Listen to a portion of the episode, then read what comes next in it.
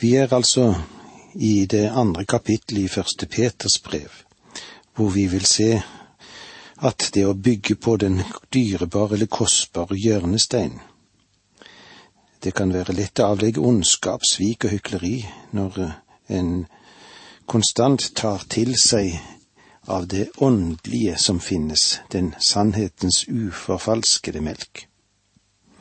Hvis du har fått lov til å smake Jesu nåde, ønsker du deg ikke å få drikke av det herlighetens budskap som finnes i dette herlige brevet som vi nå er innom? Eller ønsker du å drikke av Sodomas bitre vin? Drikk av det som Gud vil skjenke deg gjennom dette ordet, og drikk med fulle drag, så du kan vokse og kvitte deg med det syndige og det barnslige som finnes her. Da du først ble født på ny, husker du hvor fantastisk det egentlig var. Paulus skrev til det troende i Korint på denne måten, andre Korinterbrev, kapittel 11, vers 2. For jeg har en brennende omsorg for dere, Guds egen omsorg.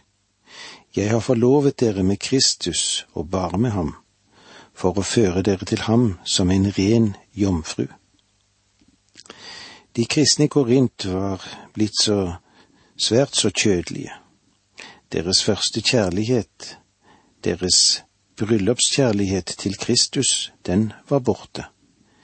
Gud talte om det samme til sitt folk Israel rett før de ble ført til fangenskap i Babylon.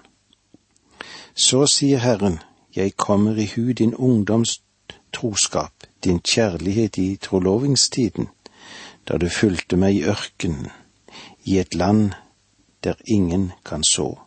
Jeremia 2,2. Israels barn demonstrerte den kjærligheten da de først kom ut av Egypt og krysset Rødehavet. De sang lovprisningssalmer til Javé, som det står i annen Mosebok 15, de to første versene der. Da sang Moses og israelittene denne lovsangen for Herren. Jeg vil lovsynge Herren, for Han er høy og herlig. Hest og kriger styrter han i sjøen. Herren er min kraft og min styrke. Men eh, det tok ikke så veldig lang tid før klagesangen overtok for lovsangen. Gud husker på det. I dag hviler det å leve for Herren på det faktum at du ble født på ny. Du har nå fått en ny natur, og nå er kjærligheten til Kristus antent i ditt hjerte. Din kjærlighet til ham får deg til å ønske å leve for ham og behage ham. Guds store mål er at folk skal bli frelst, ikke bare fra dommen og ildsjøen, men frelst også fra den nåværende verden. Han ønsker mennesket frelst, ikke bare for himmelen, men for Kristi hjerte og sinnelag nå. Kristi gjerning besvarte ethvert spørsmål som synden har reist mellom Gud og våre sjeler. Fremtiden er lys og fullt av Guds herlighet, og vi er ført inn i rikdommen i denne forløsningsgjerningen. Vi er blitt født på ny, og ingen, ikke engang, ikke engang Satan kan forandre eller for omstøte dette. Men hvordan går det med kristenfolket vårt her nede på jorden i dag, tro? Hvordan er forholdet til våre medmennesker og til den Herre Jesus Kristus? I de to første versene her i det andre kapittelet i første Peter leser vi slik:" Legg derfor bort all ondskap, falskhet og hykleri, misunnelse og sladder. Som nyfødte barn skal dere lengte etter den ekte åndelige melk, så dere kan vokse ved den til frelsen er nådd. Her ser du at fra én side sett så kan vi ikke vente at Gud skal gjøre alt for oss. Han har noe som også vi skal gjøre. Først er det ting som vi må legge til side. Paulus ligner dette med å ta av seg klesplagg i Efeserbrevet, slik som vi leser der i det fjerde kapitlet, versene 22 og 25. Dere skal ikke leve som før, men legge av det gamle mennesket som ble ødelagt av, forførende, av de forførende lyster. Legg derfor av løgnen. Tal sant, vær med sin neste, for vi er jo hverandres lemmer. Paulus bruker et annet bilde for å beskrive dette for korinterne. I det femte kapitlet leser vi slik i det første korinterbrevet. Rens ut den gamle surdeigen, så dere kan være en ny deig. Dere er jo som usyret brød. For vårt påskelam er slaktet Kristus, så la oss holde høytid. Ikke med gammel surdeig av ondskap og synd, men med renhets- og sannhetsusyrede brød. Da Israel holdt påske og feiret det usyredes brøds fest, så spiste ikke israelittene syret brød. Det vil si, de fortsatte ikke å leve det samme livet som de hadde levd tidligere. De spiste på et annet sted, og de spiste en annen type brød. Og det var et middel til vekst for dem.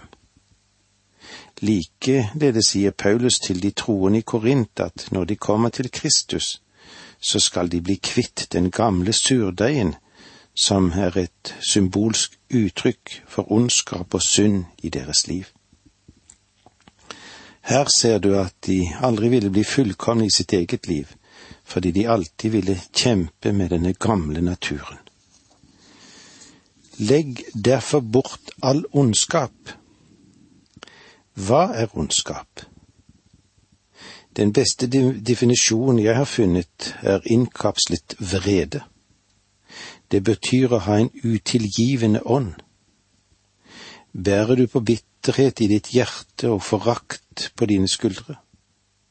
Selv om du vitner om å være født på ny og om kjærlighet til Jesus, så er det ingen som vil være i stand til å se det i deg om du bærer på ondskap eller innkapslet vrede i ditt hjerte. Og falskhet. Falskhet er å bruke kløktighet for å gjøre opp med andre eller forsøke å skape et godt inntrykk på andre. Ananias og Safira brukte falskhet når de forsøkte å fremstille seg selv som sjenerøse ytere til menigheten. Den gamle naturen du og jeg har, den passer på at vi er ekspert på slike ting. Og hykleri, misunnelse og sladder. Hykleri er selvfølgelig å forsøke å være det du ikke er. Og sladder, det er rundsnakk. Som nyfødte barn skal dere lengte etter den ekte åndelige melk i stedet for rekte så kan det også oversettes med ren melk. Dette er altså en føde der det ikke er noen forurensning i. En troende skal gripe etter og lengte etter Guds ord som en sulten baby lengter etter ren og ekte melk. Det har vært forunderlig å sitte med mitt lille barnebarn på fanget mang en gang og se bevegelsen når vi løfter på melkeflasken og den nærmer seg munnen. Da begynner ben og armer å vifte energisk. De viste ved hver bevegelse at de gjerne ville ha denne melken. Kanskje vi som forkynner i forskjellige menigheter mange ganger har tenkt jeg skulle ønske at jeg hadde en menighet som ville strekke seg slik etter Guds ord som de små barna etter melkeflasken. Uten en hunger etter Guds ord ville du ikke vokse i nåde og kunnskap og kjennskap om den Herre Jesus Kristus. Utviklingen din som en kristen vil bli mangelfull, og du vil ofte måtte vende tilbake igjen til spedbarns tilstand i ditt åndelige liv. Vi må huske at både en liten baby og et fullvoksent menneske er begge mennesker, men at de er i et forskjellig utviklingsstadium. Den lille trenger melk for å vokse til et nytt stadium. Hvordan vokser så en kristen? Ja, det skjer ved nådemidlene. Og her understreker Peter at det har med Guds ord å gjøre dette. Det blir en mangelfull vekst atskilt fra Guds ord, så det vi anbefaler deg, studer, ta til deg det Gud har å gi til deg gjennom sitt eget ord. Og det var så langt vi kom i dag. Takk for nå, må Gud være med deg. Dette undervisningsprogrammet består av to deler. Åge Nevland fortsetter nå med andre del av dagens undervisning. Vi er i det andre kapittelet i Første Peters brev, og vi er helt i starten av dette kapitlet. Og vi leser i de to første versene. Legg derfor bort all ondskap, falskhet og hykleri misunnelse og sladder. Som nyfødte barn skal dere lengte etter den ekte åndelige melk, så dere kan vokse ved den til frelsen er nådd. Her er altså fem stygge ting som vi skal legge bort. Ondskap, falskhet og hykleri, misunnelse og sladder. Den aggressive ondskapen er farlig. All ondskap lysten til å skade andre, ondskapsfullhet eller falskhet, alle former av uærlighet og bedrag. Og hykleriet, da? Egentlig hyklerier. All slags forestillelse, det å gi seg ut for noe annet enn det han er. Å si noe annet enn det han er, er hykleri. Misunnelse. Misunnelse kommer òg i flertall, og det er mange slags utslag av misunnelse. Ikke for å unne andre de goder de har og den fremgang de gjør, men i stedet gremme seg når det går dem godt, og glede seg når eh, de mislykkes. Er det slik det skal være? Sladder. All ukjærlig snakk bak en brors rygg til eh, sammen så kan vi vel si at disse fem leddene er eh, det som Det nye testamentet kan kalle, kalles for lastekataloger. Disse syndene, alle disse syndene, strider alle mot broderkjærligheten. De agreste fiender vi har her, her sitter i vårt eget bryst, midt i vårt kjød og blod. De våker og sover og lever med oss som en ond gjest som en har innbudt inn til sitt hus og ikke kan bli kvitt igjen, sier Luther. Men en kristen som lever i Guds virkelige og virkekraftige jord og i helliggjørelsens nåde, han skal døde dette ukrasset ved Guds ånd.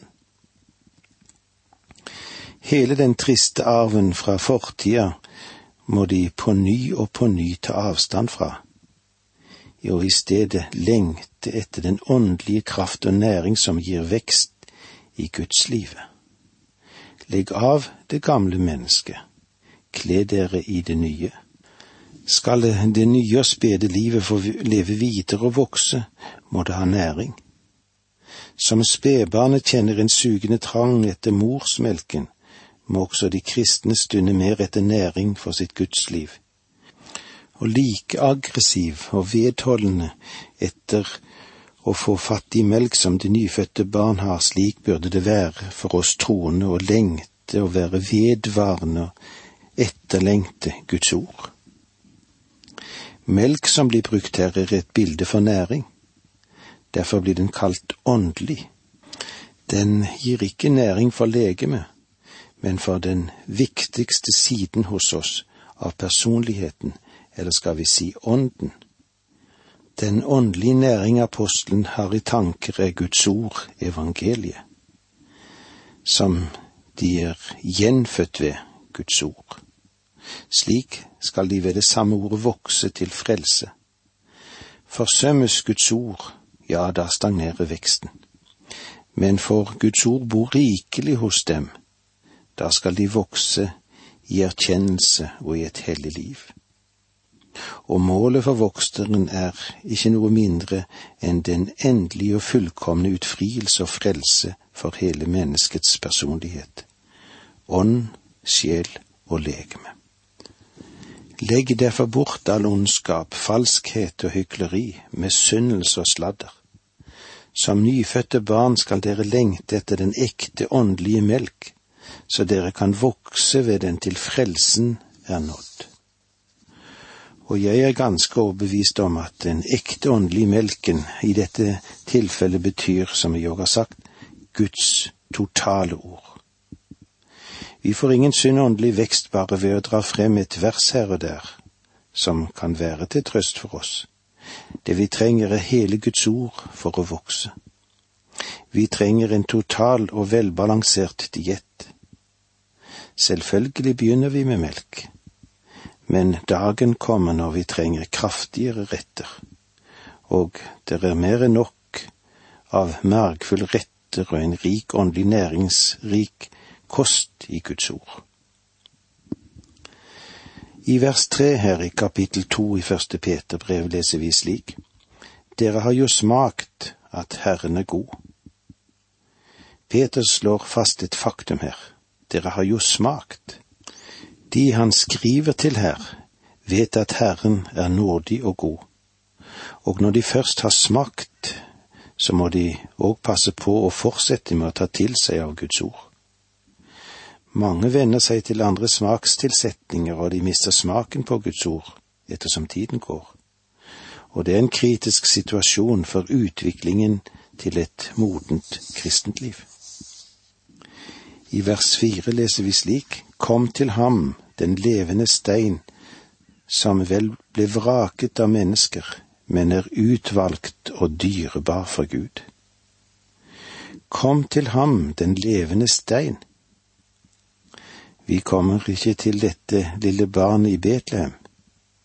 Vi kommer som barn til den levende stein, til en klippe. Den levende stein er Kristus. Etter Simon Peters sin bekjennelse sa Herren til ham, På denne klippe vil jeg bygge min menighet, Matteus 16, 18. Simon Peter gjør det helt klart for oss at den levende stein ikke er ham selv, men den levende stein er Jesus Kristus. Jesus henviser igjen til seg selv som den levende stein, som det står i Matteus 21 vers 42 og 44. Da sa Jesus til dem, Har dere aldri lest i Skriftene? Den steinen bygningsmennene vraket, er blitt hjørnestein. Dette er Herrens verk. Underfullt er det i våre øyne. Dette er et sitat fra Salme 118. Men nå taler han om seg selv og sier, og den som faller mot denne steinen, skal skade seg, men den som steinen faller på, skal bli knust. Kristus Jesus er denne grunnsteinen for kirken. Han er den klippen i dag. Paulus skriver i første Korinterbrev 3,11. For ingen annen grunnvoll kan legges enn den som er lagt, det er Jesus Kristus. Når du kommer som en synder og faller på denne steinen, så er du knekt. Men i din knuste tilstand så blir denne steinen et fundament for deg, og det er din frelse. Men om du fornekter denne steinen, så er du ikke ferdig med den. Daniel så i sitt syn en stein revet løs, men ikke av menneskehender, og den traff føttene, som var av jern og leire, og knuste dem. Dette er dommens stein som vil treffe jorden. Denne steinen symboliserer Kristus. Han vil også være dommens stein for verden. Hvilke bilde av den Herre Jesus Kristus vi har foran oss her.